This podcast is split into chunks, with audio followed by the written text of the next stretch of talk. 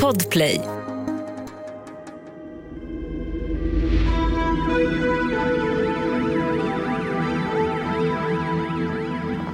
Jag tänker att hon hade en himla tur som kom ut därifrån. Det var såklart förfärligt att vara där under sex dagar. Fasansfullt. Men hon trodde ju att hon inte skulle överleva det här helt enkelt. Ja, men jag såg ganska tydligt direkt att här har vi kommunikationen kring det här mordet. Det har ju aldrig hänt mig att eh, FBI är inkopplad i mina utredningar. Det är ju unikt såklart. Vilken masterplan. De blev grundlurade, de gick rakt i fällan.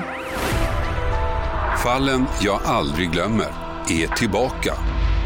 Det här är podden som inte handlar om förövare, som inte handlar om brottsoffer, utan som handlar om utredarna som gjorde sitt jobb och löste fallen jag aldrig glömmer. Det är människor som jobbar med detta.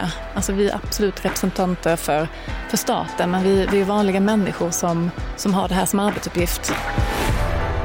Premiär 23 mars på podplay.se eller i appen Podplay. Podplay, en del av Power Media. Ett poddtips från Podplay.